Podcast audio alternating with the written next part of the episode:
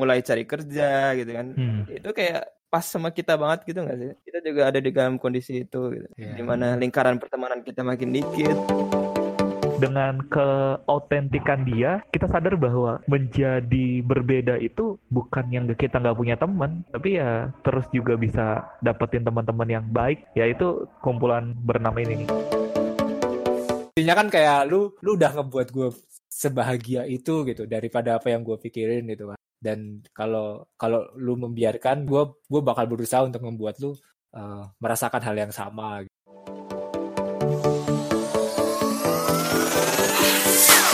Selamat datang di podcast 21 Masih bersama gue Fazar dan Glenn dan tamu kita hari ini Cabe. Bagus. Panggilan Halo. sayangnya Cabe. Iya iya, gue gua mau nanya itu, kenapa cabe gitu? Gue tahu gue tahu lu dipanggil hal yang berbeda karena Kevin pasaran dan lain-lain. Tapi Iya. kenapa cabe gitu? Kenapa nggak kentang gitu atau oh iya btw cabe itu jauh sebelum ada ada apa istilah Ungkapan cabe-cabean itu ya iya. Iya, jadi iya. jangan Ya, jadi- jadi kenapa? negatif kenapa lu dipanggil cabe? Iya jadi kalau lu penasaran dengan cabe emang kan pertamanya karena banyak Kevin ya itu ya. Da- dari SMA nih satu kelas tuh ada tiga orang Kevin gue shock tuh. Mm-mm. karena dari SMP tuh gak pernah ada namanya Kevin selain gue pas sekolah terus karena dulu apa penampakan gue tuh kayak bocah kecil hilang gitu. Kayak telat puber lah telat pertumbuhan gitu. Jadi kayak masih anak SD pas SMP Oh. terus waktu ada guru bahasa Inggris tuh kayak bilang gue kayak kecil-kecil cabai rawit. Disangkanya gitu ya padahal cabai busuk gitu aslinya gitu. Terus akhirnya dia ngomong itu Kevin Chile gitu kan. Terus temen gue ada lagi nih yang yang yang rada berisik lah ya. Dia akhirnya mulai manggil gue cabe gitu kan anehnya gue nengok gitu Dan ke bawah sampai kuliah dan ya sekarang. lagian Kevin pasaran coy gue rada kesel juga lama-lama Oke, sekarang kita pengen ngebahas apa di episode ini, Bisa? Nah, cabe ini eh, kita awalnya kenal gara-gara ngegame bareng ya. betul Cuman betul. setelah setelah kita ketemu kan ya biasa kan sebagai teman ngobrol-ngobrol gitu kan. Nah, masuk ke rekomendasi film karena kita sama-sama suka nonton film. Gue sama Glenn. Ya kan. Nah, terus si cabe ini yang rekomendasiin Friends Ke lu. ke Dan ke gua. gua juga sih, dan ke gua juga sih. Iya, ta- tapi udah sebelumnya kalau ke Glenn ya. Iya.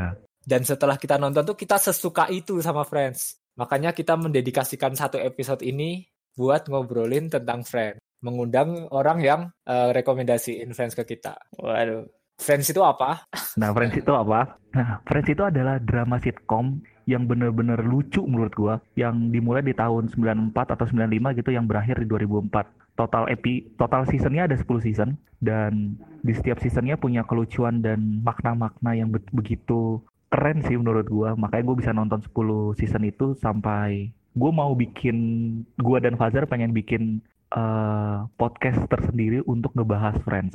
Ya, dan seperti yang gue bilang, Cabe ini yang rekomendasiin ke kita berdua kan. Jadi kalau misal buat yang denger belum pernah tahu sitcom Friends atau belum pernah ada yang rekomendasiin, anggap aja episode ini sebagai rekomendasi kalian untuk nonton Friends. Ya, kami beruntung bisa ketemu Cabe. Iya. Dan gue mau spoiler alert dikit, mungkin bakal ada spoiler mungkin, tapi kita usahakan kita usahakan seminimal mungkin lah, seenggak ada mungkin mungkin. Jadi ya Nggak, nggak bisa sih Zar. mungkin kalian mau nonton dulu 10 season baru dengerin lagi lanjutannya silahkan.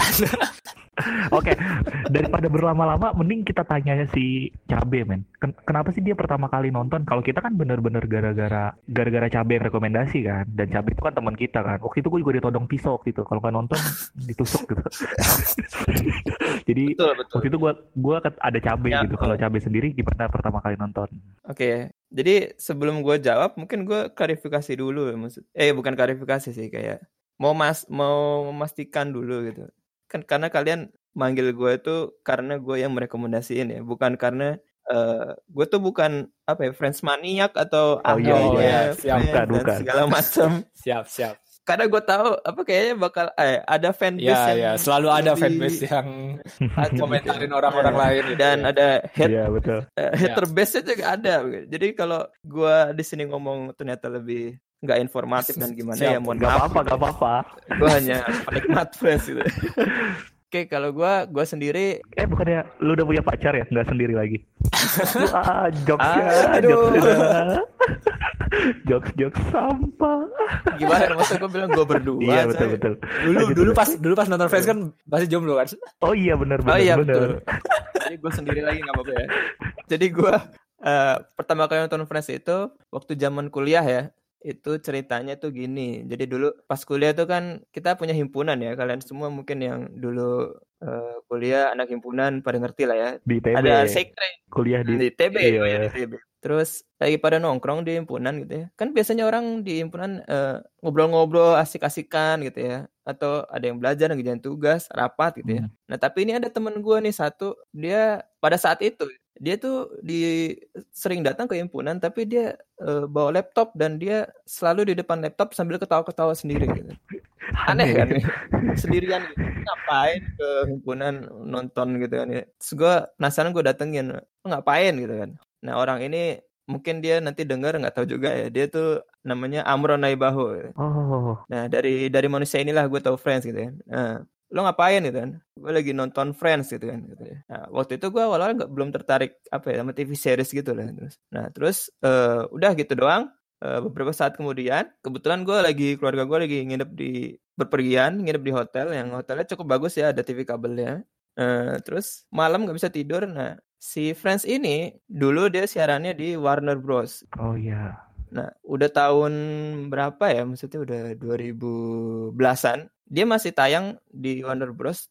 tiap tiga kali sehari lah gitu. Ada ada sekali tuh yang pas midnight, dua episode tiap hari gitu. Nah, Hmm. gue nggak bisa tidur, gue nonton. Kebetulan lagi lagi nonton channel Warner. Nah, itu Friends lagi tayang. Nah, itu tuh gue kan, wah ini lucu juga gitu ya. Tertarik gue gitu kan. Kayak ini orang eh, geblek-geblek juga ya, ya kan. Akhirnya gue minta ke si Amron ini karena dia nonton, gue minta semua file ya agak piracy dikit tapi ya nggak apa-apa gitu ya. Akhirnya karena pada saat itu tingkat akhir, nah gue kerjaannya jadinya nontonin Friends di pas kuliah itu. Hmm. Begitulah ceritanya. Oh, jadi tetap dari Tuh. re- rekomendasi orang juga ya sama kayak kita Iya. kan. Iya Tapi- betul. Ada momen tambahan ketika di hotel terus nontonnya Friends itu. Ya, karena gue ini kan dulu siarannya tahun 94 sampai 2004 ya. Hmm. Waktu itu gue ya baru lahir gitu. Kayaknya nggak mungkin juga gue ngikutin pas zamannya dia keluar gitu. Jadi Aduh, gue minder nih ada yang lebih lucu dari gue nih gimana? dong? bagus bagus sih bagus. jadi akhirnya gue nontonnya pas sudah setelah gue besar. Hmm, I see, I see. BTW mungkin mungkin kenalin dikit. Jadi di Friends tuh ada pemeran utamanya tuh dalam satu geng. Nah di Friends tuh ada enam orang. Salah satunya Chandler. Tadi ada tiga cowok. Chandler, Ross, Joey. Ter- terus ada tiga cewek lagi, ada namanya Rachel, Phoebe Ya. dan Monica. Jadi enam enam itu karakter utamanya. Ya, dan setiap karakternya punya eh, sifat dan kepribadian yang sangat berbeda dan sangat lucu. Berarti lu pertama kali nonton episode 1 2013 ya, Be? Kurang lebih ya. Berapa lama lu beresinnya? 10 season. Zaman-zaman nganggur tuh kayak cepet. Oh, cepet ya? Emang gue ada saat di mana karena gue merasa ini apa film bagus ya, gue lambat-lambatin gitu karena gue ngerasa sayang ntar kalau udah selesai gue nggak tahu Oh, lagi iya, mau iya. nonton apa. Iya iya iya iya. iya. Gue gua nggak ada dua bulan loh. Nah kan Beresnya. cepet kan ya. cepet banget. Gue pengen nonton terus tuh, pengen terus nonton tuh. Penasaran. Karena gue tahu Iya, bener. setelah gue selesai nonton, gue nggak akan selesai nonton. Gue akan nonton ulang, nonton ulang. Gue akan nonton klip-klipnya di YouTube. Kalau gue sih ya. Iya sih benar. Agak bedanya kayak ya pas pertama lu nggak tahu gitu kan Mm-mm. apa yang terjadi gitu. Di situlah gue rada aduh sayang nih gitu. Jadi agak direm dikit. Cari kegiatan lain gitu ya. Kalau gua mungkin hampir tiga bulan kali, dua bulan lebih lah tetap. Hmm. Di saat yang sama gue dapet dua ini, dua apa? Dua sitcom, How I Met Your Mother sama Friends. Gue dulu Oh. gue download, tapi yang beres duluan itu Friends. Ya. Oke oke. Dan setelah beres, ya udah tonton lagi, tonton lagi. Kalau bosen gitu, gue nonton Friends sekarang. Gue di waktu-waktu makan gue apa? Sa- sama kayak cabe mungkin. Jadi pas lagi makan kita itu kan tontonan simple ya sederhana dan kita bisa tetap tertawa sekeras pertama kita nonton gitu kan. Jadi nonton sambil nggak mikir juga bisa gitu. Jadi kita dengerin mereka ngobrol-ngobrol aja gitu tanpa ngelihat layarnya juga kita terus bisa ketawa saking lucunya tuh series. Tapi gue nggak, maksudnya gue pengen nonton terus bukan lebih, bukan karena lucu sih. Oh bukan Ya maksudnya karena lucu, emang. Tapi gue suka sama story-nya sih. Apa ya, sitcom yang gue bisa relate gitu. Hmm, Bener bener. Iya sih kalau lo, lo bilang relate ya karena itu kan eh, bercerita tentang enam enam manusia umur 20 30-an lah ya. Dan setelah apa mulai cari kerja gitu kan. Hmm. Itu kayak pas sama kita banget gitu nggak sih? Mm-mm. Kita juga ada di dalam kondisi itu gitu. Ya. Di mana lingkaran pertemanan kita makin dikit Hmm. dan ada mulai masalah keluarga, kerja, keuangan, percintaan hidup. segala Mm-mm. pasangan hidup. Jadi kayak enak gitu kayak Fajar bilang relate ya. Ya, dan kerennya ya, gue baru tahu juga ini beberapa hari yang lalu. eh Untuk Friends itu salah mempersiapkan satu podcast ini dong, untuk mempersiapkan Iya. podcast ini. Friends itu sitkom yang sitkom yang nge-break break the rules waktu itu tahun 9 berapa? 94 93 ya Break awalnya. the rules gimana tuh? Tentang ini. Jadi sit- sitkom sitkom waktu itu tuh lebih banyak tentang orang-orang dewasa gitu. Hmm. Gak ada sitkom yang berfokus pada ini anak-anak muda yang yang lagi Oh. Ababil dan segala macamnya. ya nah makanya awal awalnya Friends mau nge, nge narik pasar itu. Tapi jadinya malah satu sitkom yang digemari sama semua semua generasi gitu. Jadi Iya dia season pertama. Iya. orang apa kalau nggak salah emang season pertama itu nggak nggak terlalu di apa si produser itu nggak nggak terlalu apa ya berharap gitu. Hmm. karena karena biasa aja gitu katanya mungkin kayak ya, ini cuma cuma cerita tentang enam orang yang hidup sehari-hari doang gitu. Tapi ternyata malah jadi terkenal kalau lu gara-gara lucunya ya Glenn lu nonton terus Iya, kalau gue gara-gara lucunya. Aduh, gila tuh Friends itu lucu banget menurut gue. Dan yang paling kayak pusat kelucuannya itu ya si Chandler. Nah, Chandler itu eh, punya one-liner one-liner dalam setiap obrolannya. Gue kalau mikirin ya, gue itu mirip banget sama Chandler. jadi jadi kita ngobrol apa, ngobrol biasa apa, segala macam. Tiba-tiba kita ngejokes gitu. Eh, tiba-tiba gue ngejokes gitu. Chandler juga kayak gitu. Nah, one-liner itu kayak biasanya ka- sarkas gitu loh. Dan yang paling gue inget nih dari dari semua one-liner dia adalah ini ketika Rachel oh nanya saran, iya iya iya. ya dia ada masalah besar gitu di keluarganya, dia nanya saran gitu. Dia udah ngomong panjang lebar, terus Chandler bilang gini, eh coy gue nggak bisa ngasih eh saran yang bagus kata dia. Gimana kalau gue kasih sarkastik komen kata dia gitu. iya Anjing, orang udah cerita curhat segala macem gitu terus kayak gue nggak bisa kasih saran, mending gue ngejok saja gimana nih sekarang gitu. gitu sih Zar. Hmm. Jadi kalau lu karena sangat relate dengan kehidupan eh, sehari-hari gitu, kalau gua kan sangat lucu Friends itu. Kalau lu B, kenapa B? Kenapa lu bisa terus-terusan nonton Friends gitu? Dari episode 1 ke episode selanjutnya, ke episode selanjutnya gitu. Kalau gue pertama gue mungkin lebih ke lu ya Glenn karena ini apa series yang ringan dan easy to watch gitu maksudnya easy to enjoy apa ya lo bakal nonton terus-terusan juga nggak masalah gitu. BTW Chandler itu ngelucu karena dia apa punya kelainan ya karena dia eh, menutupi keinsecureannya dengan jokes gitu. Kayaknya beda sama lu sih Glenn. Kalau lu gak ada apa-apa Oh, iya, juga iya, iya. jokes aja gitu. emang pengen aja gitu Iya, iya.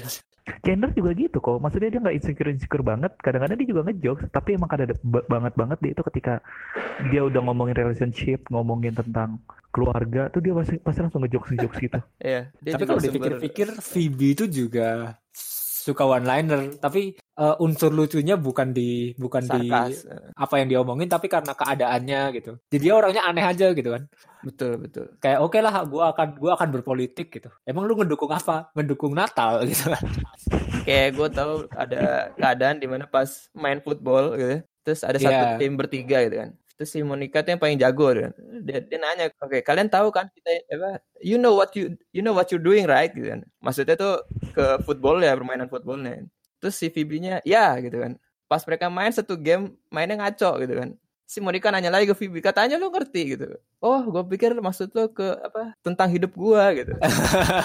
iya Jadi bukan beda jokes sama Chandler Iya. ya, bener. mungkin mungkin bisa dibilang one liner juga tapi lebih karena dianya gitu gua nggak tahu sih itu one liner atau enggak One liner, one liner.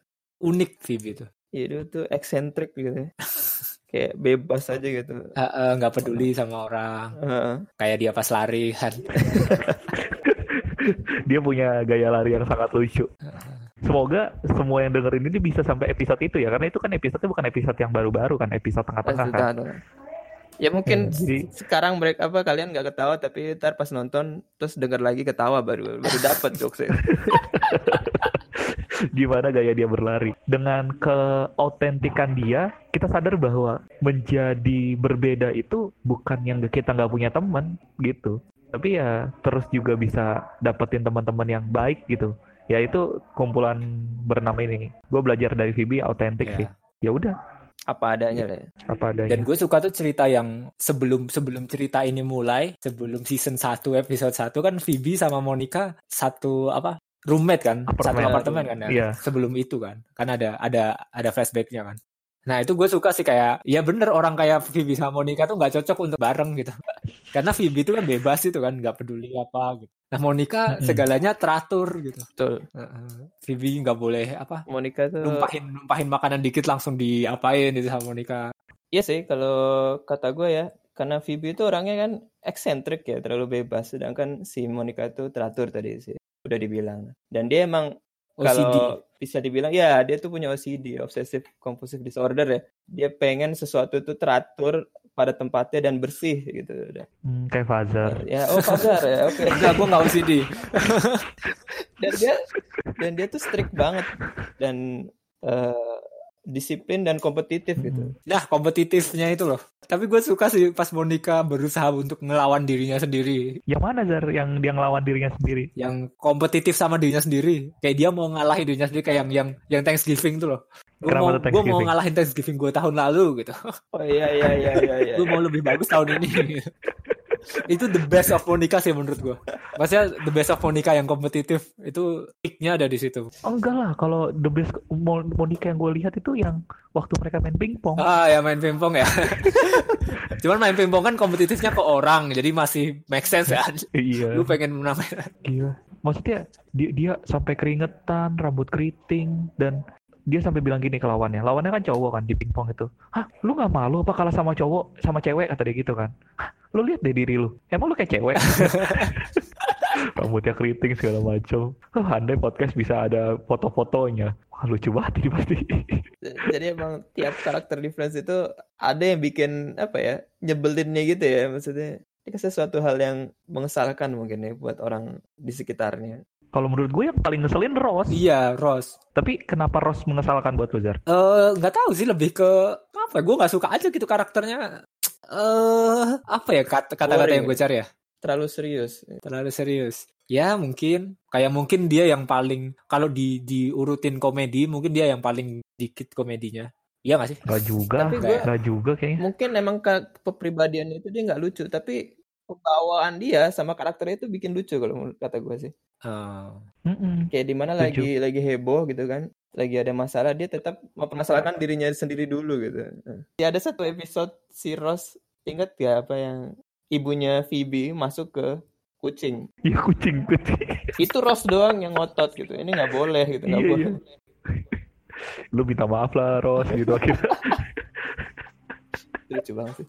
Mungkin gue nggak suka cara dia apa ya memecah eh apa ngehandle masalah dia sih mungkin kayak kalau dia dia eh, apa ngelakuin salah gitu ya sama pasangannya terus dia ngecovernya nggak bagus gitu. Ta- tapi kita bisa ngeliat juga dia tulus Dia kan sama posesif lah, posesif Iya, banget kan orangnya kan. Iya tulus, sebenarnya Iya, posesif banget kan. posesif, ya posesif. suka kali orang posesif. Hmm. Kalau ngomongin kisah cinta dia bisa dibilang bucin yang tulus lah. Melihat bagaimana dia memperlakukan mantannya dengan sangat Mantan ya. eh, mantannya ber berpenuh kasih gitu. Maksudnya bukan lagi terkait tentang ya oh lu betul ya. lu bukan karena ada maunya gitu lu berbuat baik, tapi dia baik karena Emang dia pengen seharusnya. mantannya itu dim- dimudahkan, mantannya itu tetap jadi bisa bahagia. Tapi dia bener-bener gentle ya. Apa ya bahasa bahasa buat seorang pria ya? Ya gentle mungkin. Experience mungkin. Karena dia kan udah pernah nikah kan. Ya, untungnya di season 1 dia dimulai dari dengan premis dia tuh habis cerai. Untungnya. Karena karena apa namanya? Mantan istrinya lesbi ternyata. Mungkin kalau Nah, kalian mikir spoiler, ini ada di awal-awal adegan ya. Jadi Iya, itu, itu bukan spoiler. Ini eh, season 1 ini, episode 1. Season 1 episode premis 1. premis pertama. Jadi Ross tuh ada apa kalau misal itu nggak ada kayak Ross tuh dimulai tanpa tanpa problem menurut gua. Tapi nggak dipungkiri bahwa mereka ini berenam memulai cerita dengan kedatangan seorang Rachel, betul. Iya. ya kan? Dan dia datang dengan begitu eksentrik Iya. dengan pakai pakaian nikah. dia kabur dari pernikahannya sendiri. Itu salah satu momen yang gue suka banget sih. Gue suka banget one linernya Chandler di situ. One liner Chandler di situ kan. Iya, pas lagi Rose datang ceritain tentang masalahnya, dia bilang gini, gue pengen deh dapet, gue pengen deh nikah, Nikah lagi lagi. kata dia gitu. Tiba-tiba Rachel datang dengan pakaian Siap nikah. pernikahannya. Iya, pakaian siap nikah. Lalu Chandler dengan apa bercandanya dia bilang, gue juga pengen satu juta dolar. Aduh, gue gak tahu sih bagaimana menyampaikan ini biar lucu ya. Itu itu salah satu momen yang gue suka banget sih. The opening Iya, moment ya. episode satunya lah. Iya, yang bikin opening gua, momennya. Bagus juga nih gitu kayak pilotnya bagus. Iya betul. Nah, kalau Rachel sendiri menurut kalian gimana? Rachel kan salah satu problem pertama Friends ya. Jadi bagus sih Rachel Rachel itu apa masalah awalnya Rachel tuh buat kita lebih mengenal nggak cuma Rachel tapi mengenal karakter yang lain juga Hmm, di iya. awal di awal-awal itu ya. Hmm. Kalau menurut lu bagaimana, Be? Ya kalau gue bener sih ini bridging dari semua karakter yang bakal dijelasin di series Friends ya. Dan kalau mau cerita tentang Rachel sendiri ya dia datang dengan sebuah karakter adalah cewek manja ya bisa dibilang gitu nggak sih? Hmm. Spoiled girl Iya. yang yang ke- apa hidup di keluarga yang tajir gitu. Hmm. Dan dia akhirnya memutuskan ber- bergabung dengan orang-orang Friends ini dalam kehidupan nyata gitu. Dan dia sangat struggling gitu karena biasanya dia hidup mewah sedang dan sekarang dia harus balik dari awal harus harus bayar apartemen harus nyari kerjaan tapi respon teman-teman itu sangat bagus dan Monica sempat bilang gitu ke dia welcome to the real world welcome to the real world Rachel it sucks but you gonna love it gitu. Ya. gitu itu mulai apa perjalanan orang-orang Friends di situ dimulai dari Rachel. Rachel itu gue tuh nggak salah satu hal yang gue nggak suka dari Friends itu karak development karakternya nggak terlalu Eh, kelihatan. bukannya fokus fokus podcast ini biar orang-orang suka, kok lu bilangnya nggak suka?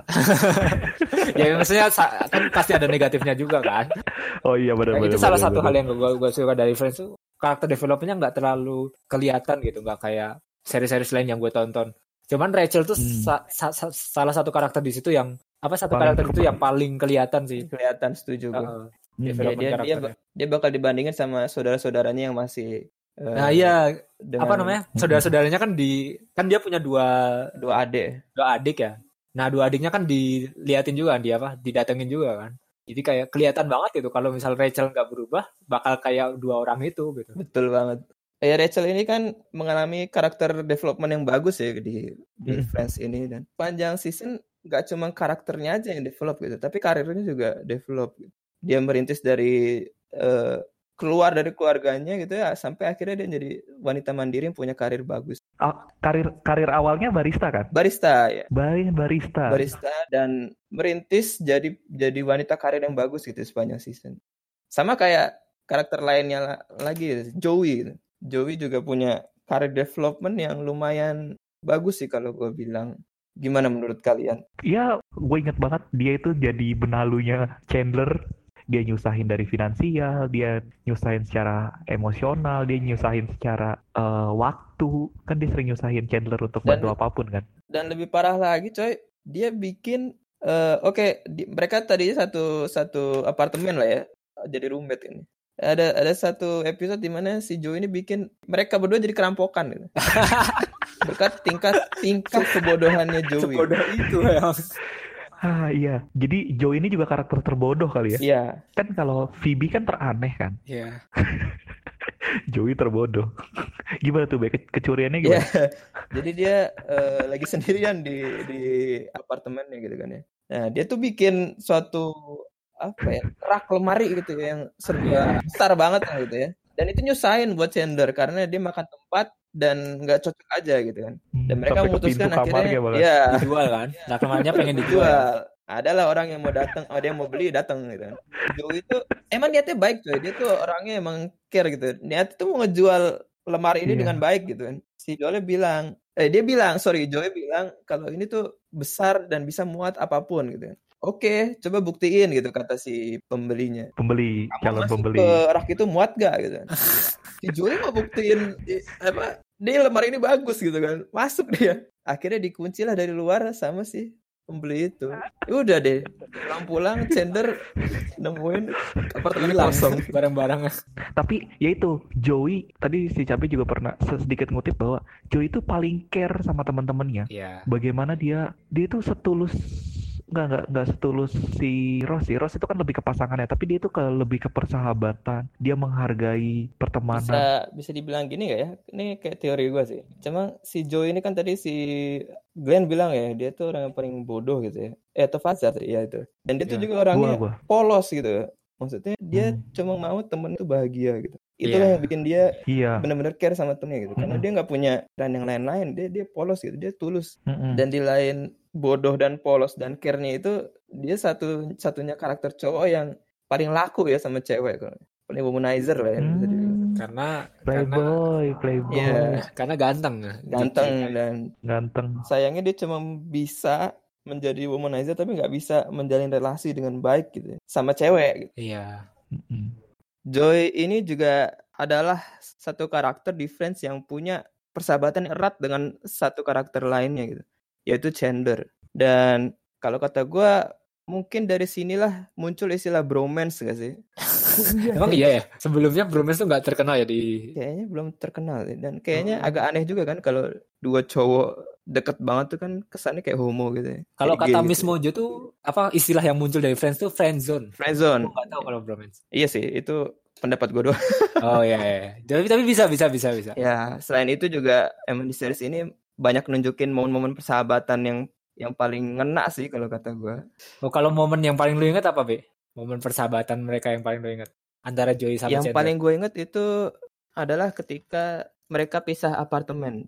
Jadi Hmm. awalnya kan tadi si Glenn udah bilang kalau si Joey ini semacam benalunya Chandler di Iya. apartemennya gitu ya. Dan ketika si Joey-nya itu ya apa-apa dibayarin gitu, listrik dibayarin, telepon dibayarin, air dibayarin segala macam dan ada suatu saat di mana si Joey ini karirnya meningkat dan dia sukses punya penghasilan yang besar gitu. Dan dia memutuskan untuk pindah apartemen dan coba hidup mandiri. Dan di situ terjadilah berbagai konflik akhirnya pindah dan beberapa episode kemudian mereka menyadari kalau mereka nggak bisa eh, pisah satu sama lain ini bukan karena penghasilan atau apa tapi karena mereka emang nyaman satu sama lain dan eh, menikmati waktu bersama sebagai roommate gitu ya Iya? Eh, Tapi menurut gua ada satu momen lagi yang benar-benar gua susah lupain adalah ketika Joey dan Chandler suka sama cewek yang sama.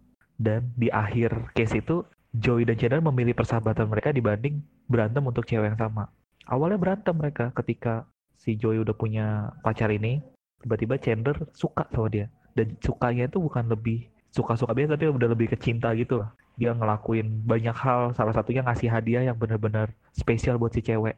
Dan ketika dia masih menghargai Chandler menghargai Joey, buku itu dikasih ke pacarnya melalui Joey gitu. Jadi nggak penting siapa yang dapetin cewek, tapi mereka, saling menghargai persahabatannya. Di akhir Joey di di hampir case-case ini si Joey tahu bahwa si pacarnya ini eh istilahnya main lah sama Chandler gitu. Akhirnya si Chandler minta maaf, terus Chandler dihukum masuk ke kotak gitu. itu kayak momen kayak oh iya ya persahabatan itu mungkin di atas eh, relasi berpacaran gitu mereka saling berkorban untuk tetap mempertahankan persahabatan mereka Tuh. Chandler ini banyak momen bagus ya. Dia dia tuh yang lucu tapi momennya bagus-bagus. Ya nggak sih? ya By the way, Joey juga punya momen persahabatan lain sama Phoebe. Nah, menurut gue ini Phoebe perlu di-mention ada satu momen di mana si Joey dan Phoebe mau dinner, tapi tiba-tiba mendekati hari H si Joey nggak datang karena Joey punya date gitu. Iya. Di situ Joey Iya, dimarahin. iya. Joey dimarahin sama Phoebe dan dia punya line yang bagus gitu. Si Phoebe bilang, "Boyfriend and girlfriend are comes and go, but this is for life" gitu. Iya. Jadi di situ dia mau nekenin utamakanlah persahabatan gitu ketimbang pacaran kalian gitu ya. Kayak gitu. ini itu ngomong ke lu sendiri kan Be Ya, ya. gila lucu banget itu kampret, kampret. kampret kampret Ya terserah lah. Tapi balik ke balik ke momen, maksudnya secara keseluruhan ya. Mungkin momen paling gue suka proposal sih. Ada proposal kan ya banyak kan proposal kan sebenarnya. siapa sama siapa tuh Selalu spoiler dong kalau gue Oh, oke itu. oke Tapi ada satu proposal yang gue suka banget. Ya itu momen paling sebetulnya secara statistik kalau gue lihat di Wikip dia juga termasuk 10 episode yang rating dan viewernya paling banyak di Friends. Eh, episode Dia proposal. S- ah, the one Hmm. with proposal, the one with emang kalau gue sih setuju karena itu momen yang paling wah banget ya. Momen proposal tuh sebenarnya yang paling bikin bagus tuh kata-katanya sih yang diucapkan di situ sih. Dalam dia kan bilang gini, um, thought dari matter where I said or where I said it, but then I realized that you make me happier than I ever thought I could be, and if you let me, I will spend the rest of my life trying to make you feel the same way. Anjay. Bagus banget. Capek bahasa Indonesia Be gimana Be? Intinya kan kayak lu lu udah ngebuat gue sebahagia itu gitu daripada apa yang gue pikirin gitu kan. Dan kalau kalau lu membiarkan gue gue bakal berusaha untuk membuat lu uh, merasakan hal yang sama. Iya nggak penting harus gimana harus di mana gitu. Tapi yang penting adalah dia ngebuat bahagia dan gue pengen bahagian dia juga loh seumur hidup.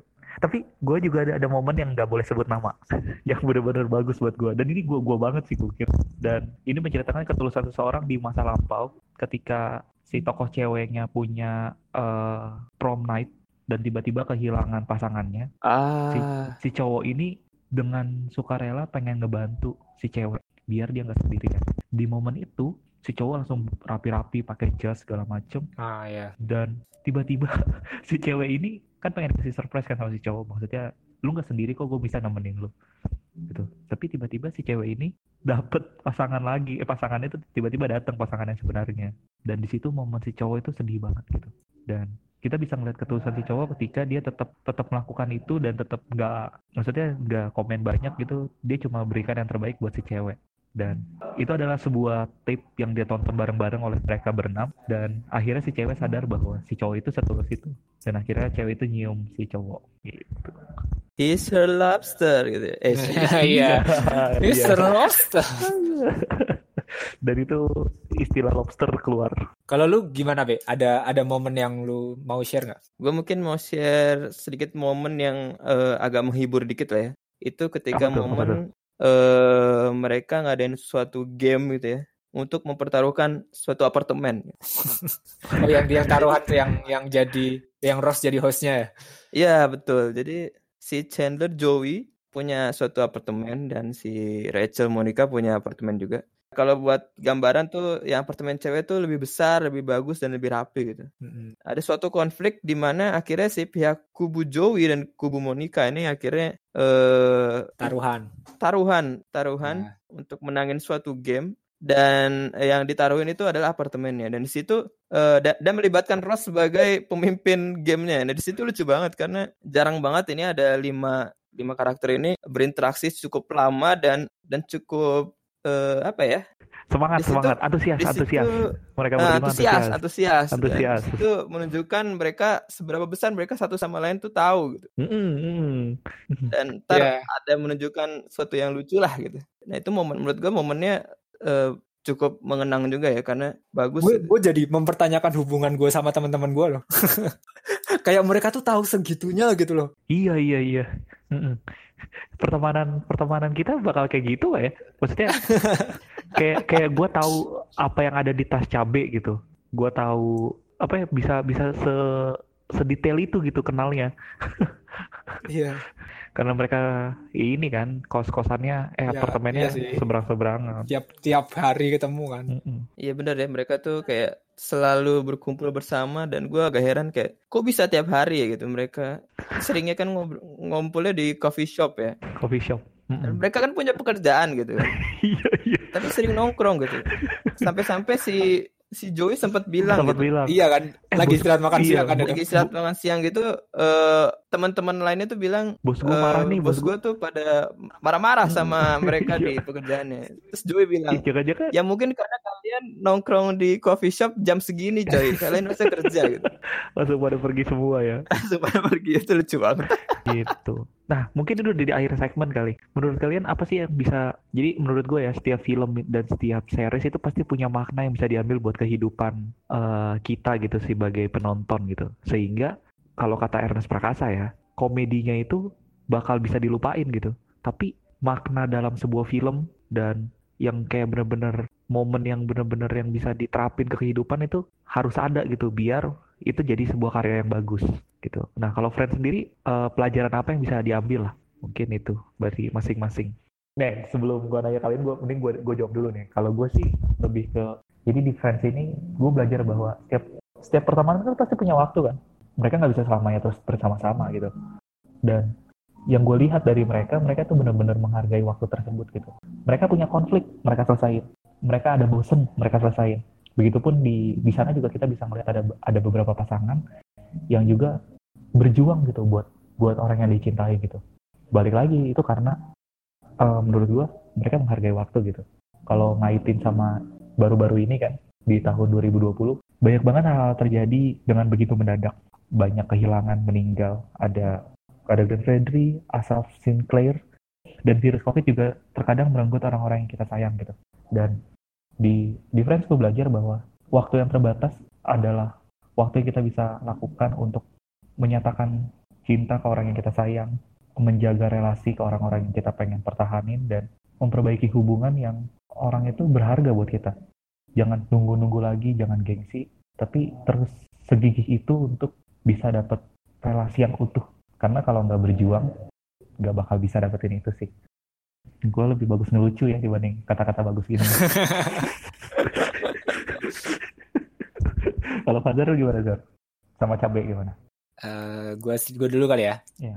uh, gue itu sih kalau yang paling gue bisa gue petik itu season 1 ada ada nyebut Magic Beans ingat ya? Hmm, ya ingat nah, ingat. Ya. Jadi episode itu satu bukan sih? Bukan ya? Enggak. Enggak, enggak. Episode 5 apa? Nah, maksudnya kayak kan dia uh, spoiler dikit kali ya, di, ditanya gitu kan, lu kenapa gitu? Gak apa-apa kok gue cuma dapat magic pins gitu. Maksudnya dia dia lagi bersyukur kan dengan apa yang dia punya kan. Hmm. Ya itu sih, gue jadi lebih apa ya, lebih bersyukur sama apa yang gue punya sih. Oh iya iya iya. Udah dapat gak lo magic pinsnya? Hah? Iya maksudnya berat banget nih ceritanya, eh, pertanyaannya.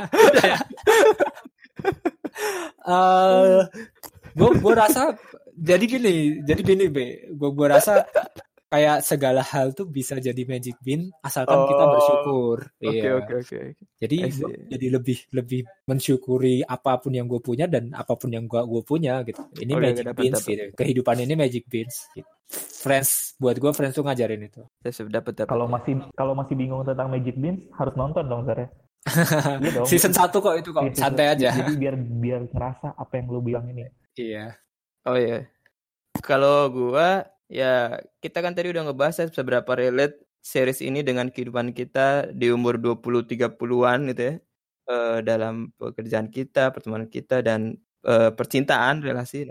Yang gue pengen tekenin sih di sini adalah dari dari judulnya series ini sendiri The Friends. Di mana kita memper apa ya? memperlakukan teman kita di usia-usia seperti mereka gitu. Dan saat dan kayak kita saat ini gitu gimana lo bisa mempertahankan hubungan yang nggak perlu banyak-banyak gitu mereka cuma berenam tapi bisa mempertahankan dan bisa saling membantu satu sama lain di setiap aspek kehidupan gitu. Aduh, bagus banget be. dari keluarga pekerjaan percintaan dan segala macam intrik-intriknya lah itu itu bisa apa ya bisa dijaga erat baik-baik gitu kita dan teman-teman kita gitu. Kalau gue sih itu sih yang paling gue ambil gitu mungkin belum bisa gue terapin dengan baik gitu ya tapi ya ada baiknya dan bakal bakal lebih indah hidup ini kalau itu terjadi gitu kalau kalau kata gue sih gitu. berarti gue sekarang kalau ke Bandung udah aman lah ya kalau sekarang belum masih ada corona. Oh iya betul. Sebelumnya gue ditinggal, coy. Gue ke Bandung ditinggal, ditinggal, ditinggal pacaran. Nah itu adalah contoh di mana gue belum menerapkan uh, aspek-aspek dari Friends ini.